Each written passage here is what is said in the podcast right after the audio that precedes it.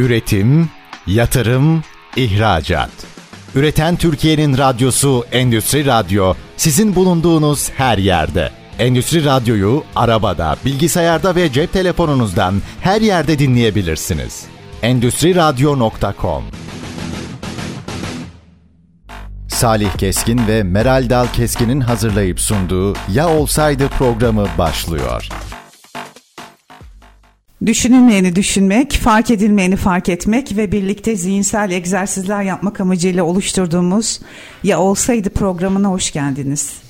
Ben Meral Dal Keskin. Ben Salih Keskin. Evet, vefatlarımız var.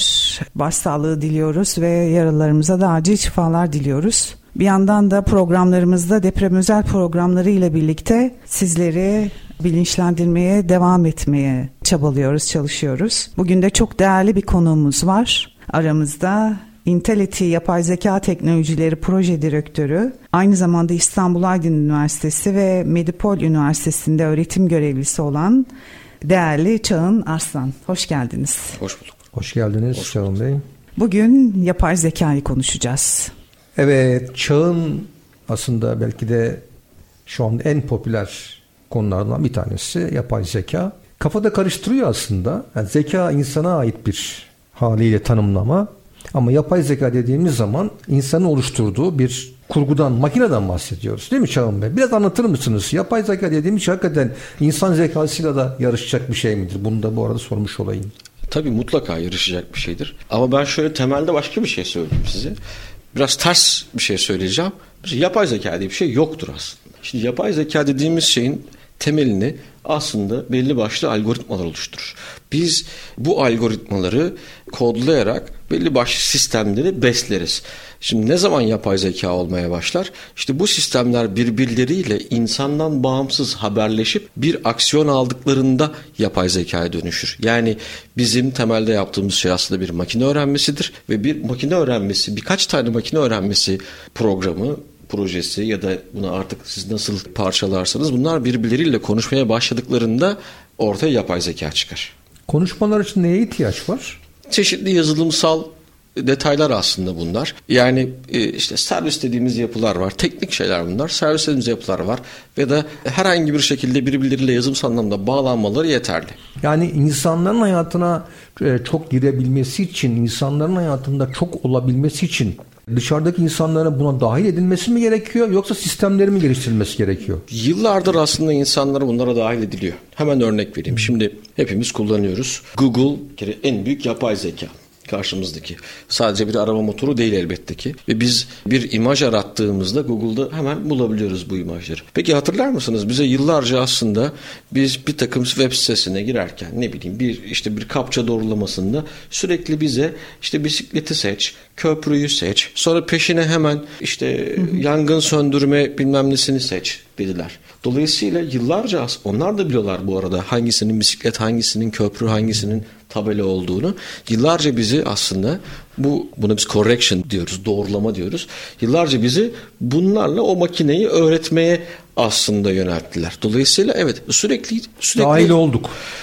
Yıllardır dahiliz. Hatta Kaç yıl olduğundan emin değilim. O yüzden hani farazi bir şey söylemeyeyim ama tahminlerimizden daha fazla bir süre önce bir sürü insanı bir sinema salonuna doldurup o sinema salonunda hep aynı hareketleri yaptırmışlar. Tabii şimdi dinleyiciler bunu göremiyorlar ama örneğin şu hareketi yani elimizle sağa doğru herkese bir, bir sinema dolusu insana ellerini yukarı kaldırıp sağa doğru sola doğru yaptırmışlar ve bunu bir sürü insana yaptırmışlar. Bir sürü etnik kökenden insana yaptırmışlar. Şimdi bu hareketlerse tanıdık geldi mi? Örneğin şimdi üst model arabaların bir tanesinde Mesela radyoyu veya bir multimedyayı yönetmek için sadece parmak işareti yapmanız yeter. Dokunmanıza gerek yok. Ya da örneğin Bizim normalde beş parmağımız var değil mi? Ama altı parmaklı insanlar da var ya da bir kaza sonucu parmaklarını yitiren insanlar da var. Dolayısıyla onlarınki de el aslında. Hı-hı. Ve bunu bize yıllar öncesinde aslında o insanları sinema salonlarına davet ederek ve bunu görüntülerini alarak aslında zaten bizi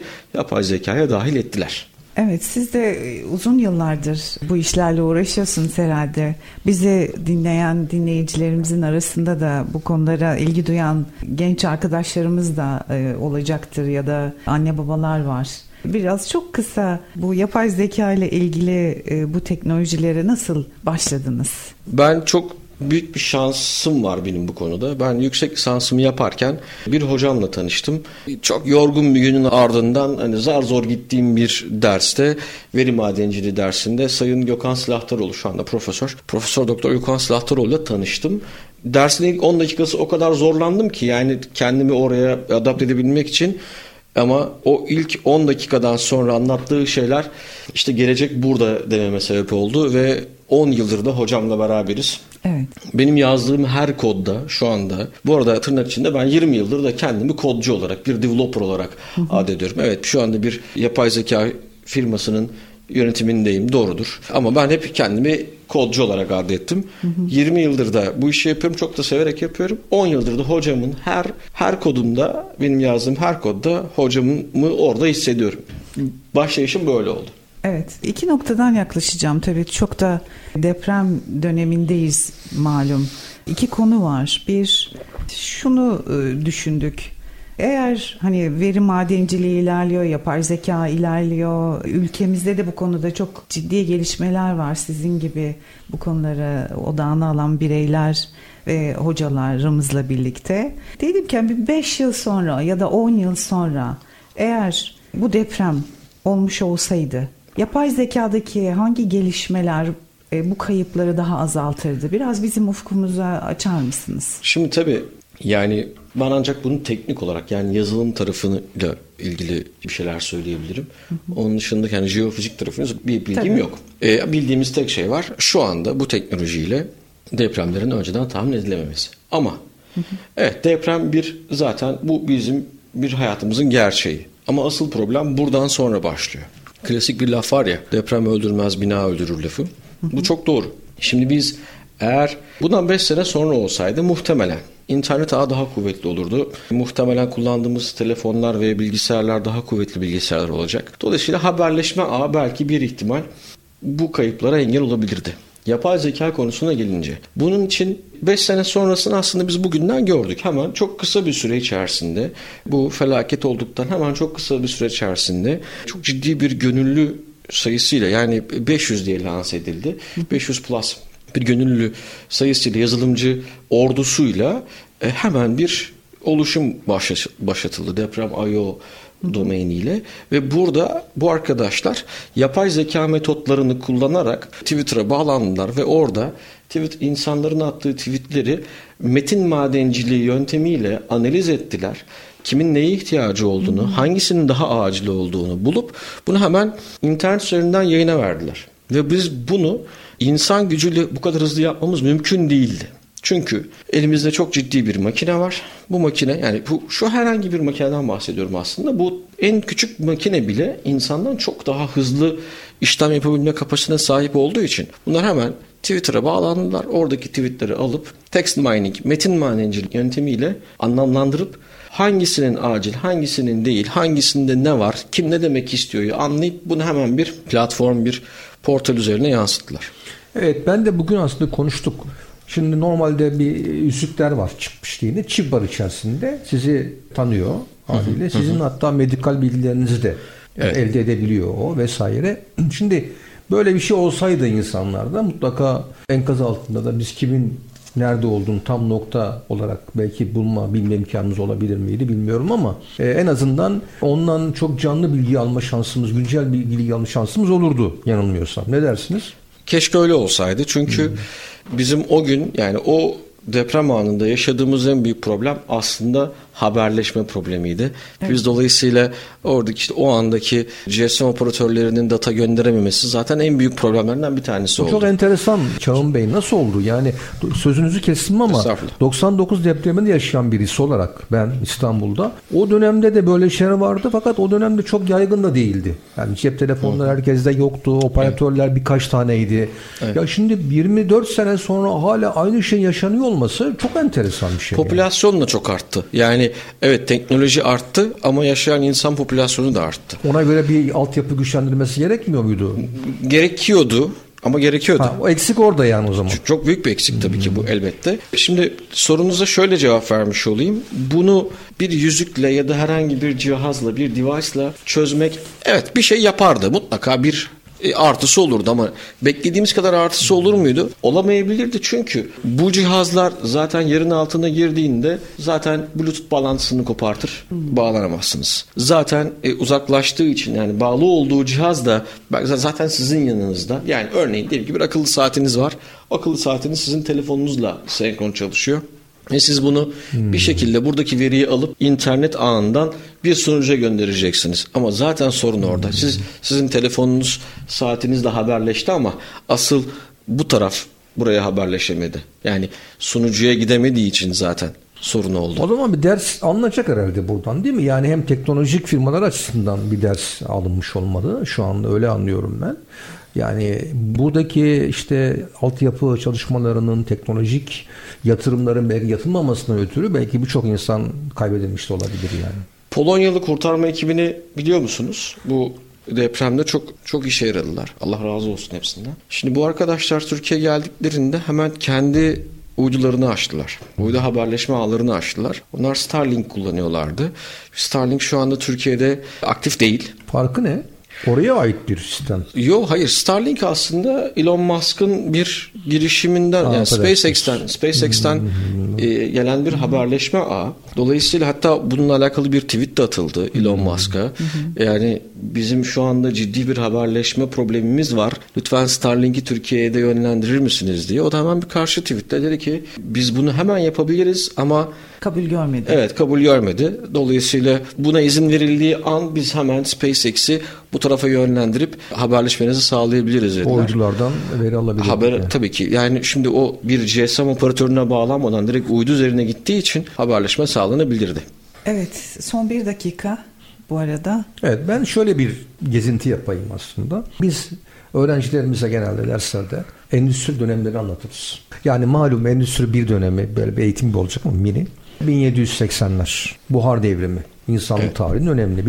Bir 100 yıl sonra 1880'lerde elektrik devrimi var. 1980'de evet. elektronik devrim var ve 2010'da da 4.0 dediğimiz e, Endüstri 4.0 Endüstri 4.0 var. Yani az önce bahsettiğiniz aslında makinenin konuşması Doğru. biraz o.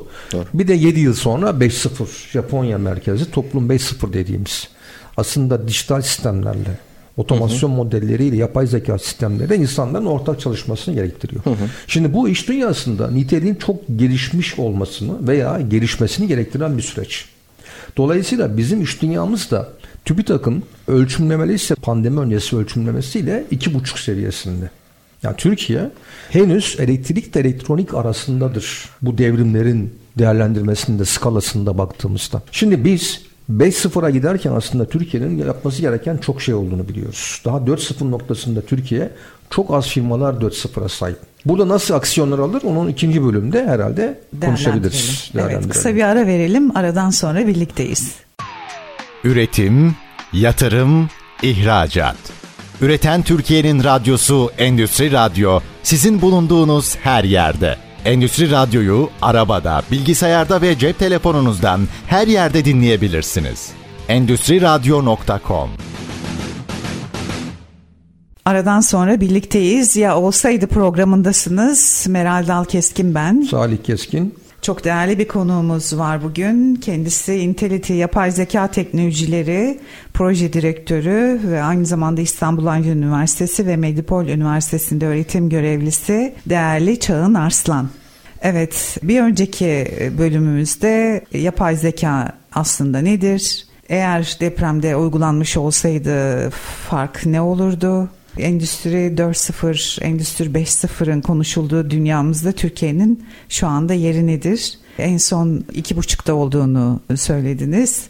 Ve, TÜBİTAK söyledi. Yani. Evet TÜBİTAK söyledi iki buçukta olduğunu. Ben hemen e, değerli konumuza şunu sormak istiyorum. Bizi dinleyen e, endüstri medya dinleyicileri, iş insanları, yöneticiler, beyaz yaka, mavi yaka herkes bizi dinliyor. Tabii bizim için çok da biraz uzakta kavramlar aslında. İçindeyiz ama hani endüstri 5.0, toplum 5.0, 4.0, yapay zekalar daha yeni yeni anlamaya çalışıyoruz. Bu noktada bir de iki buçuktaysak eğer TÜBİTAK'ın söylediğine göre biz dünyayla hani eşgüdümlü olabilmek orayı yakalamak ve hatta hep öne geçmekten bahsederiz biz eğitmenler olarak, hocalar olarak. Bunu gerçekleştirebilmek için neler yapmalıyız? Size soralım. Tabii şöyle, şimdi bu konuştuğumuz her şey aslında yani yapay zeka, makine öğrenmesi vesaire. Bunların tamamı bu işte sosyal medya botları, arama motorları, arama motorlarının verdiği sonuçlar vesaire bunların tamamı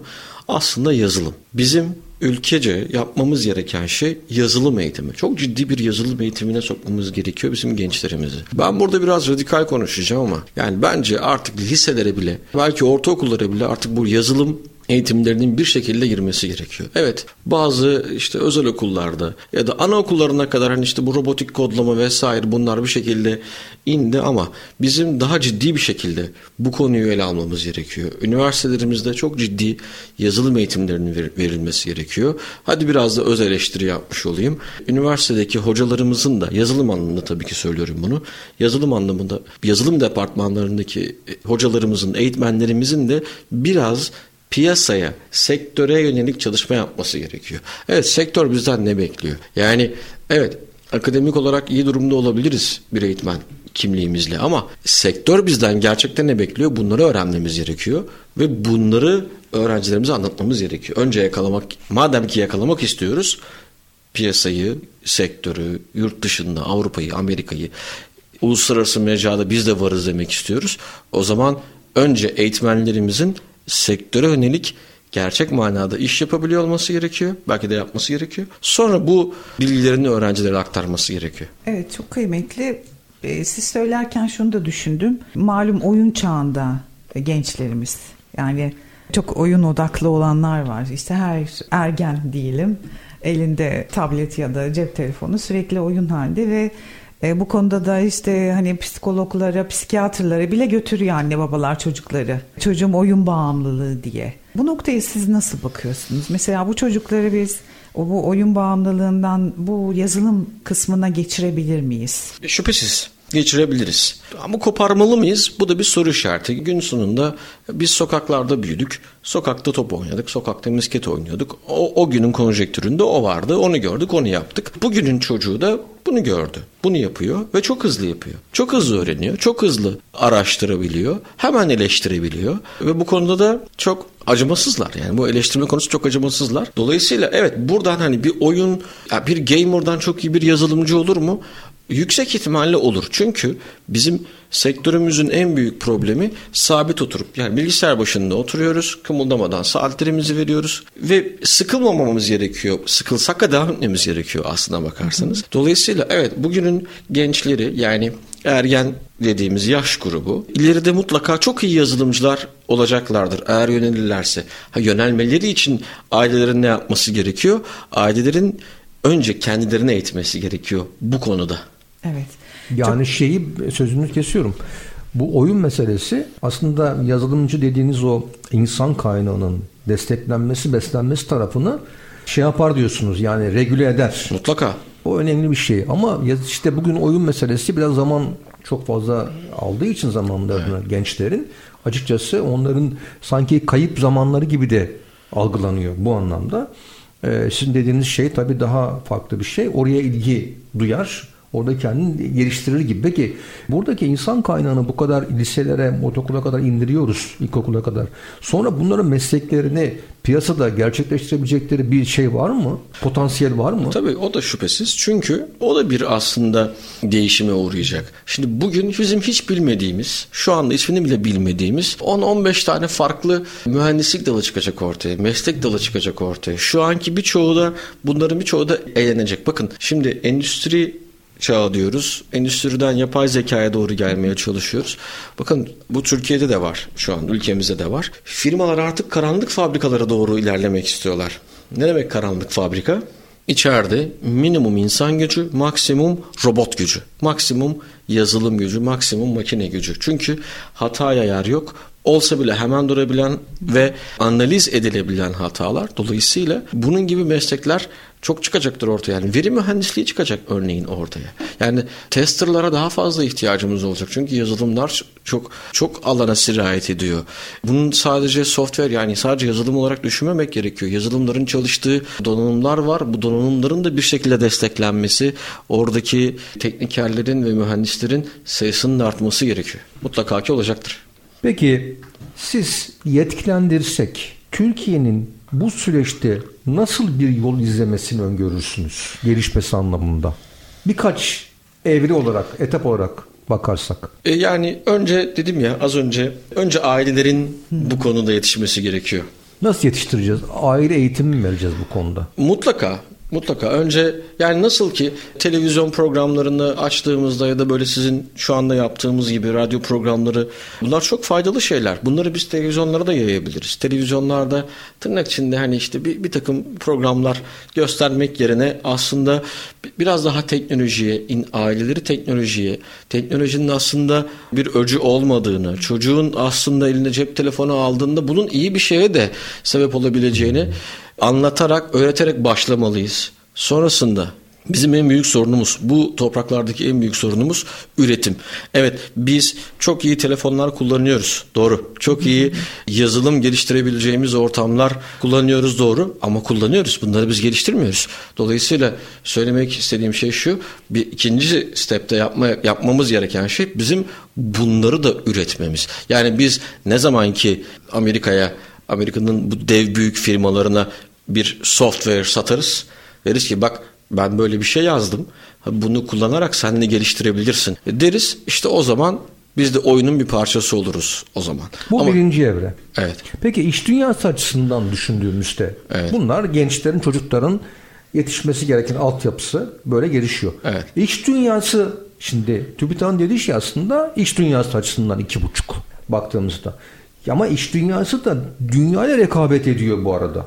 Evet şimdi ben mesela iş dünyasıyla hani çok iç içeyiz malum hiç mesela finansal okur yazarlık eğitimleri aldırdıklarını biliyorum özellikle yöneticilere veya işte ne eğitimleri veriyoruz yöneticilik, liderlik, iletişim son dönemde işte duygusal dayanıklılık e, stres yönetimi, problem çözme gibi. Ama hiç teknoloji eğitimi duymadım mesela. Veya işte buradaki süreçlere nasıl daha hızlı entegre olabilirim gibi. Şimdi ben çok o kadar ikiniz de o kadar güzel böyle pas attınız ki çok teşekkür ederim. Şimdi şöyle bir şey var. Biz yöneticilerimize finansal okul yazarlık, okul yazarlık eğitimleri verdiriyoruz. Çocuklarımıza teknoloji eğitimi verdiriyoruz. Peki bunları neden her ikisine de yaptırmıyoruz? Bizim en büyük sorunlarımızdan bir tanesi de bu. Hmm. Bizim gençlerimize finansal okur, okur yazarlık vermemiz gerekiyor. Neden biliyor musunuz? Çünkü bu çocuklar hepimizin çok değerli öğrencileri var. Değil mi? Hepimiz, hepimiz, hepimiz, hepimiz o çocukları kardeşimiz gibi, evladımız gibi görüyoruz değil mi? Evet. Ama bu çocukların şöyle bir sorunu var. Bu çocuklar parayı hedef olarak koyuyorlar ve para hedefli gidiyorlar. Sonrasında ne oluyor? Bu çocuklar bir şekilde tırnak içinde yanlış anlaşılmasın paranın kölesi olmaya başlıyorlar. Daha fazla para kazanınca daha fazla para harcıyorlar. Ama asla hedef hedefi gelişmek, daha iyi seviyeye gelmek, daha yukarılarda olmak, daha fazla dolmak olarak koymuyorlar. Bunun aynısını şimdi biz hem gençlerimize hem finansal okur yazarlık hem de teknoloji eğitimi verdiğimiz zaman bu zaten yukarıya doğru o yöneticiler bunu zaten mecburen artık bunu kabul etmek zorunda kalacaklar. Çünkü aşağıdan gelen tabaka yani bir süre sonra bizim işveren olarak söylüyorum bir süre sonra eğer ben gelişmezsem benim altımda benden sonra gelen jenerasyon benden daha iyi olacağı için ben de kendimi geliştirmek zorunda kalacağım. Yani birinci adımı yaptığımız zaman yani az önce bahsettiğim birinci stepi yaptığımız zaman biz gençlerimize hem finansal okur yazarlık hem de teknoloji eğitimlerini aileden gelerek verdiğimiz zaman zaten patronlar buna karşı duramayacaklar. Zaten mecburen bu işi yapmak zorunda kalacak. Mesela bir inovasyoncu olarak kitaplarımda bunları yazmıştım. Ya milli eğitim sisteminin başında ben olsaydım ilkokuldan başlayarak çocuklara bir hızlı okuma eğitimleri, iki fotoğrafik hafıza teknikleri ve şu anda Avrupa'da olan yaratıcı düşünme tekniklerini mutlaka bir şekilde öğretirdim. E, ben İngilizceyle çalıştım bir buçuk yıl yakın Ankara'da. Bunlar tabii yaratıcı ekipler. Yani bizim Türk gruplara göre çok daha böyle efektif, hızlı bir şekilde fikir geliştiklerini gördüm. Bu işe girmem de onunla alakalıdır. Şimdi ben tabii çok şaşkınla karşılıyordum. Çünkü biz geliştiremiyorduk. Onların çok da bizden öyle çok zeki olduklarında düşünmüyordum aslında. Fakat bu hızlı fikir geliştirmeleri benim kapıma takılmıştı. Yani niye biz geliştiremiyoruz da onlar geliştiriyor? Meğerse ya daha detaylı araştırdığımda şunu gördüm. Onlar ortaokul seviyesinde bu yaratıcı düşünme dersleri alıyorlar. Dünyada sonra 77 yaratıcı düşünme tekniği olduğunu anladım. Ve ben 20 tanesi kitaplarımda bunu yazdım ve firmalarda bunu kullanıyoruz. Bu o yaşlarda öğreniliyorsa bir yaşam biçimi haline dönüşüyor onu söyleyeyim. Günlük hayatta da düşünürken bir sorunla karşılaştığınızda hemen bu teknikleri bir şekilde beyin bunu hani öğreniyor ya kullanıyorsunuz. Şimdi dolayısıyla bizim çocuklarımızın çok zeki olduğunu yani biliyoruz. Bu hiç kimse bunu zaten itiraz etmiyor. Milletimiz de pratik zekada hiç fena değildir bu arada onu da söyleyelim. Ama bunların çıktısı çok fazla olmuyor. Az önce dediniz ya biz teknolojinin üreticisi değiliz çok doğru. Ama müthiş bir tüketiciyiz. Bu bizim hem maddi e, kayıplarımıza yol açmaktadır ve aynı zamanda başka ülkelerin bir atlama tahtasını oluşturuyoruz. Teknolojiyi satıyorlar, biz bunları kullanıyoruz, para veriyoruz. Onlar verdiğimiz paralarla arge yaparak bir sonraki etabını oluşturuyorlar. Ben tabii şunu da çok merak ediyorum. Bu gelişmiş ülkelerle aramızda olan farkı hani kapatabilecek miyiz ya da ne zaman kapatabiliriz? Size de soralım. Bu sorunun cevabını 1923 yılında zaten bütün toplum olarak verdik. Tabii ki kapatabiliriz. Her zaman kapatırız. Bunun için de böyle yıllar yıllar yıllara ihtiyacımız yok. Biz eğitimimize, gençlerimize, eğitmenlerimize gerekli önemi gösterdiğimiz zaman bunun için maksimum 5 yılımız var. Biz 5 yıl sonra bir çok ciddi bir oyuncu oluruz. Bu peki bu 5 yılı kapatıp ciddi oyuncu olmada baş aktörlerden bir tanesi eğitmenler onu duydum. Onları destekleyecek diğer aktörler neler? Mutlaka ki aile, mutlaka ki politikacılar. Yani şu anda bizi yöneten siyasetçiler. Ve firmadaki beyaz yaka yöneticiler yani. Peki üniversiteler? İşte aslında eğitmenlerden kastım biraz da üniversitelerde. Şimdi az önce söylediğim konu çok önemli. Yani hı hı.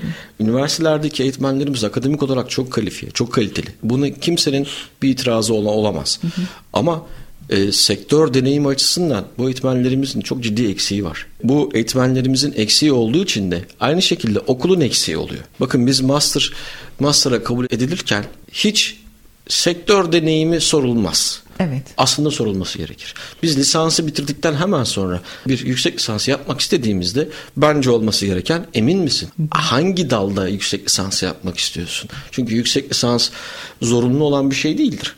Dolayısıyla önce master'ı master'a başlamadan önce öğrencinin bir sektörde şöyle bir iki yılını bir otozu yutması gerekir. Çok önemli üniversiteler tabii ki. Kesinlikle katılıyorum. Yine sonuna geldik. Bir ara verelim. Aradan sonra devam ediyoruz. Kısa bir aradayız. Üretim, yatırım, ihracat. Üreten Türkiye'nin radyosu Endüstri Radyo sizin bulunduğunuz her yerde. Endüstri Radyo'yu arabada, bilgisayarda ve cep telefonunuzdan her yerde dinleyebilirsiniz. Endüstri Radyo.com Aradan sonra birlikteyiz. Ya olsaydı programındasınız. Çok değerli bir konuğumuz var. Intelity Yapay Zeka Teknolojileri Proje Koordinatörü ee, ve İstanbul Aydın Üniversitesi aynı zamanda Medipol Üniversitesi'nde öğretim görevlisi olan değerli Çağın Arslan. Evet yapay zekayı ve teknolojiyi konuşuyoruz. Şimdi sormak istiyorum Çağın Bey. Endüstride neler yapıyorsunuz? Endüstride yapılacak çok şey var. Biz yapay zeka olarak yani Intel'ti yapay zeka teknolojileri olarak neler yaptığımızdan çok kısa bahsedeyim. Şimdi her şeyin temelinde verimlilik var. Biz verimliliği her şeyin temeline koyabiliriz. Bunu eğitime de koyabiliriz, üretim bandına da koyabiliriz. E-ticarete de koyabiliriz. Fabrikalarda, üretim üretim bantlarında en çok ihtiyaç duyulan şey verimliliğin yükseltilmesi. Verimliliğin yükseltilmesini istemiyorum diyen bir firma mümkün değil, olamaz yani. Olamaz, dolayısıyla tabii. dolayısıyla biz bütün bunları dikkate alarak şöyle bir ürün şöyle bir ürün geliştirdik. Fabrikaya yani üretim bandını bütün datalarını inceliyoruz. Tabii ki fabrika bize bir başlangıç noktası veriyor, bir fi noktası veriyor. Diyor ki burada benim için başarı kıstası şu. Okey. Biz bu kıstası belirliyoruz, alıyoruz. Sonrasında bu kıstas güncelleniyor tabii yapay zeka ile beraber. Hı hı. Günün hangi saatinde, hangi personel, hangi işi, hangi makinede ya da hangi çalıştığı materyal neyse bununla en iyi yaptığını buluyoruz. Bunu endüstri mühendisleri çok iyi bilecektir çünkü buna aslında yön eylem araştırması denir. Evet. Ve bunu biz otomatik olarak yapmaya başlıyoruz. Fabrika bir hedef koyar. Der ki bugün örneğin 10 bin parça ürettireceğim der. Biz bunu sürekli kontrol ederiz. Hedefe ulaşabiliyor muyuz ona bakarız. Hedefe ulaşabiliyorsak herhangi bir sorun yok ama hedefe ulaşamayacağımızı öngörürüz. Günün sonunda mutlaka 10 bin parça ulaşamayacaksın. Bunun için ne yapılması gerektiğini biz o anda hemen analiz eder ve bunu çalışanların ya da usta başlarının artık bu firmanın kararına kalır. Usta başlarının veya firma fabrika yöneticilerinin ekranlarına şu değişikliği yap. Bu personeli buraya yönlendir, bu personeli buraya yönlendir gibi suggestionlarımızı veririz.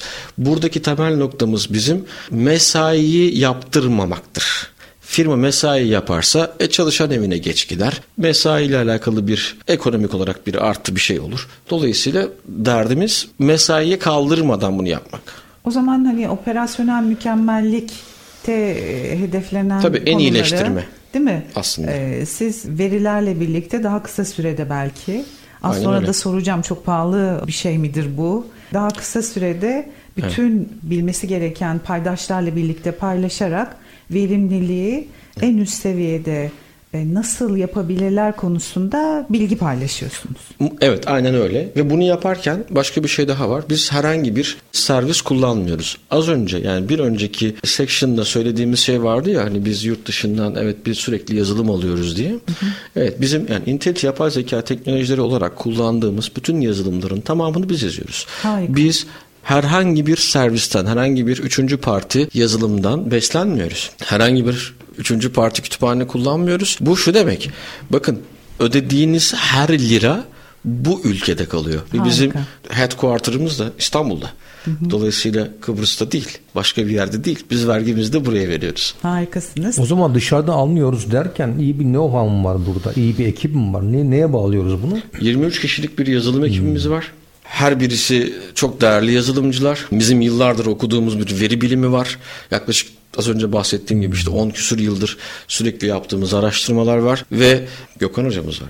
Türkiye'nin yetiştirdiği en iyi en iyi veri bilimcilerinden bir tanesi. Çok güzel. Ülkemizde de bu haberleri duymak ne kadar güzel değil mi? Şüphesiz bunun artması lazım işte. Az bir önceki bölümde de nasıl hani arttırırızı esasında konuştuk. Şimdi burada Çağın Bey'in firmasının e, Intelity firmasının bu süreçte yaptığı aslında bir eğitim de var. Değil mi? Bunu- Sosyal sorumluluk gibi yani. Onu biraz anlatırsanız. Tabii bunu biz aslında Intelity Akademi bünyesinde yapıyoruz. Intelity Akademi. Şimdi az önce bahsetmiştik ya hani bu bunun oyuncuları, eğitmenlerin, eğitmenlerin partnerleri kim olmalı? E, Biz biz olmalıyız. Yani az önce sizin de Salih Bey sizin de bahsettiğiniz gibi okullar, firmalar, firmalar da bu işin içerisine girmeli. Yani taşın altına elini sokmalıyız. Dolayısıyla bizim de şöyle bir bilincimiz var. Biz bilgiyi paylaşmalıyız. Bu ülke hepimizin ülkesi. Bakın geçen sene yani 2022 yılında bu ülkeden 30 küsür bin yazılımcı göç etti. Ve biz bu arkadaşları geri getiremeyeceğiz. Bunların hepsi birer bizim evladımızdı ve gittiler. Hep maddi kaygılardan mı? Çoğunluğu maddi kaygılar.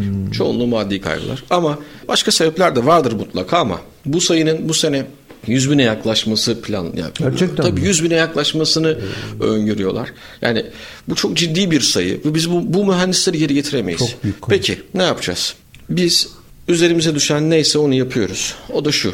Ne verebiliriz? Eğitim. Intellit Akademi olarak biz hiçbir ücret talep etmeden sadece bir ön elemeden geçirerek bilgisayar programcılığı, bilgisayar mühendisliği, yazılım mühendisliği, istatistik, matematik ya da bambaşka bir bölümden ilgisi ol- olan arkadaşlarımızı bir başvuru alıyoruz. Bu başvurudan sonra bir tabii mutlaka bir ön eleme yapmamız gerekiyor. Yani yazılım konusuna ya da kod konusuna ilgi duyması gerekiyor. Doğru mudur? Kesinlikle, kesinlikle. Altyapı şart mı? Olursa iyi olur. Ama olmazsa da olmazsa da biz onu da sağlarız. O zaman farklı seviyelerde Mutlaka. katılma Tabii, şansı tabii. var. Tabii, Ee, tabii. yaş olarak bir kriterimiz var mı? Ya hiç şimdi bununla da alakalı hiçbir problemimiz yok. 18 yaşında da gelebilir. E, 60 yaşında da gelebilir. Buradaki çünkü derdimiz bizim evet biz yazılım öğretiyoruz. Yazılımı çok iyi yazıyoruz ve yazılım öğretiyoruz. Ve bu eğitimimiz aşağı yukarı aşağı yukarı 2 ay sürüyor. 2 ay sonunda bizim danışmanlık verdiğimiz çok fazla firma var. Bu firmaların İK departmanları var. Biz bu İK departmanındaki arkadaşlarımızla az önce de bahsettim 20 yıldır Ben bu sektördeyim. 20 yılda çok fazla insan tanıyorsunuz. Çok fazla yönetici tanıyorsunuz. Sizinle beraber aynı yolu yürüyen insanlar artık bir yerlerde C-level oluyorlar. Dolayısıyla siz onları da bir şekilde biz bunları bu arkadaşlarımızı, İK'cı arkadaşlarımızı, teknik yönetici arkadaşlarımızı bu eğitimi alan arkadaşlarımızla buluşturuyoruz.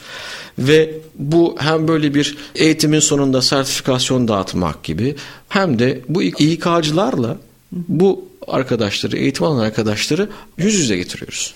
Ee, ne kadar önemli bu söylediğiniz. Ben aynı zamanda dernekte de sosyal sorumlulukları yönettiğim için biliyorum. Ee, sizin gibi kurumların, hocaların sağlamış olduğu bu fırsatlar ve ücretsiz olarak sunduğunuz bu fırsatlar birçok kişi için de önemli gelecekte gelir kapısı oluşturacak mesleği haline gelecek değil mi? Özellikle depremimizde şu son dönemde yaşadığımız depremde iş yerleri kapandı. Artık o bölgelerde e, tekrar e, eski e, günlere ulaşmak çok uzun sürecek. Oradaki arkadaşlarımız da belki bu yayınları dinliyorlardır. Ha, güzel, iyi bak yakaladın. halen Evet. başvurular devam ediyor. Ben mu? izninizle bu konu hakkında bir cümle kurmak istiyorum. Evet. Depremden hemen sonraydı. Biz bu eğitimin başvurularını açmıştık. Şu anda devam eden eğitimin depremden hemen sonraydı. Bir mail aldık. İsmini zikretmeyeceğim arkadaşımın. Özeti şu mailin. Ne kadar insafsızsınız. Biz burada canımızla uğraşıyoruz. Siz eğitimi devam ettirmeye çalışıyorsunuz. Biz iki eğitmen birbirimize baktık. Gözlerimiz doldu ne yapacağız diye. Hemen CV'sine ulaştık. Hemen telefona sarıldık. Ben ulaştım arkadaşıma. Dedik ki bunun farkındayız. Burada bir olay oldu. Farkındayız. Ama burada da insanların yardıma ihtiyacı var. Burada da insanların çalışmaya ihtiyacı var. Biz de bir şekilde o arkadaşla elinden tutmak istiyoruz. Ama sana sözüm olsun. Sen ne zaman ki kafanı toparlarsın, ben artık çalışmak istiyorum dersin. Telefon numaram bu. Kaydet. Bir abi gibi gör. Kaydet ve hemen önce bana gel. Bir şekilde biz seni is- istihdam edeceğiz. Şimdi Intelity yapay zeka teknolojileri çok yakın zamanda şimdi ismini veremeyeceğim bir holdingden ciddi bir yatırım alacak. Şu anda bu el sıkışıldı ama henüz imzalar atılmadığı için Hayırlısı söylemem olsun doğru olmaz. Evet. Yine bir yine bir Türk firmamız. Onlarla beraber biz deprem bölgesine gideceğiz. Orada bir konteyner kuracağız. Artık ne kadar süreli olur bilmiyorum ama şöyle eğitimler vereceğiz. Çocuklara tekrar rehabilite olmaları için, tekrar hayata adapte olabilmeleri için belki robotik eğitimler vesaire böyle, böyle bir eğlenceli bir eğitimler vereceğiz. İş imkanı sağlamak için de lise ve üzerindeki arkadaşlara Oradaki kardeşlerimize yazılım eğitimleri vereceğiz. Onları bir şekilde bizim kendi imkanlarımızla İstanbul'a, Ankara'ya, İzmir'e bir şekilde getirip oradaki İK'cı arkadaşlarımızla buluşturup onlara istihdam sağlayacağız. Ne kadar güzel. Çok güzel. Ee, bizler de ne kadar nasıl destek olabilirsek her zaman e, buna el vermeye hazırız. Şimdi orada isteriz. tabii e, yani hem e, bu çalışmalar eğitimler veriliyor. Sektöre aslında siz burada çok ciddi bir servis sağlıyorsunuz. İnsan kaynağı anlamında. Dolayısıyla şimdi siz eğitmen olarak orada hem firmada yöneticisiniz hem eğitmenlik yapıyorsunuz ve buna zaman harcıyorlar. Ve bu ücretsiz yapılan bir şey. Ya biz eğitmen olduğumuz için bu işin zorluğunu biliyoruz. Ben pandemide biliyorsun sertifik programları yaptık hala yapıyoruz. Akşam 2 saat sürüyor, 3 saat sürüyor, 4 saate çıktığı oluyor. Bu açıkçası kolay bir şey değil. O anlamda tebrik ediyorum. Yani firmanızı.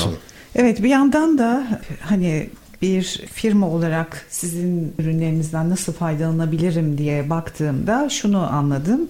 Verimlilik arttırmak üzerine özel çalışmalarınız var. Evet. Genellikle üretim hatları duydum ama üretim hatları olmayan daha böyle e, mesela kobiler Evet. e, sizinle çalışabilir Tabii, mi? tabii ki çalışabilir. Çok kısa bir örnek vereyim. Örneğin e-ticaret sistemlerini biliyorsunuz.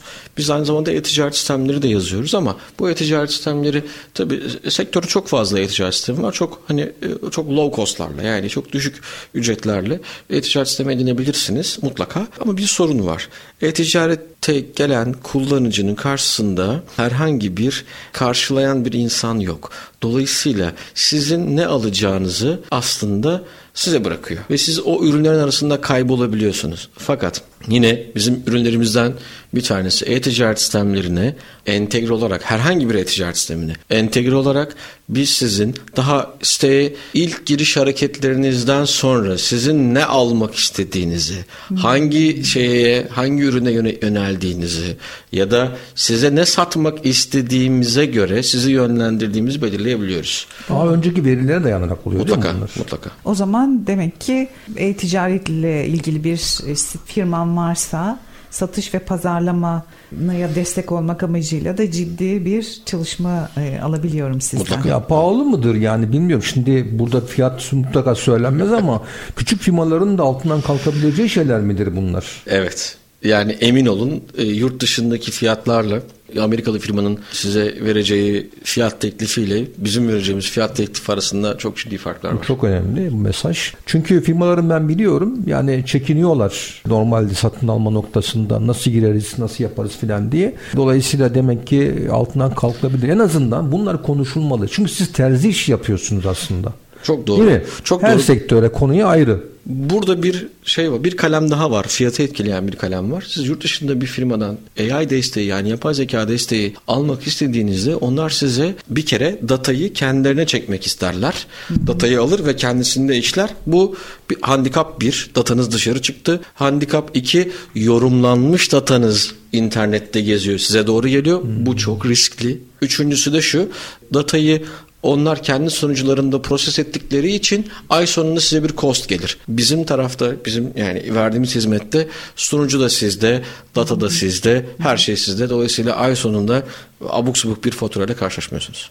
Evet harika. Bu konu bitmiyor. Ee, inşallah başka bir programda tekrar. Umarız bunun sizleri... ikisini de yapmayı düşünüyoruz. Çünkü yani bilinçlenme dediğimiz şey böyle bir şey. İnsanların sürekli böyle bu konularda devamlı belki anlatarak bilinçlendirmek gerekiyor diye düşünüyoruz. Evet programımızın sonuna geldik. Son sözlerinizi alabiliriz. Sizden var mı paylaşmak istediğiniz? Çok, teş- çok teşekkür ederim. Çok verimli bir görüşme oldu. Yani herkes için çok önemli bir şey tabii bu konuştuğumuz şey. Teknolojiyle alakalı konuşuyoruz. Dünyayı yakalamak istiyoruz. Geçmek istiyoruz. Bu bilinçli olan bir şey işte bu da. Yani bunun bir şekilde halka, insanlara, teknolojinin içerisinde olmayan insanlara da aktarılması gerekiyor. Bu anlamda ben teşekkür ederim size. Teşekkürler Çağın Bey. Umarım tekrar bir araya geleceğiz. Evet, Intelity Yapay Zeka Teknolojileri Proje Koordinatörü değerli Çağın Arslan'la bugün bu programımızı devam ettirdik. Sizlere güzel bir gün diliyoruz. İyi günler diliyoruz.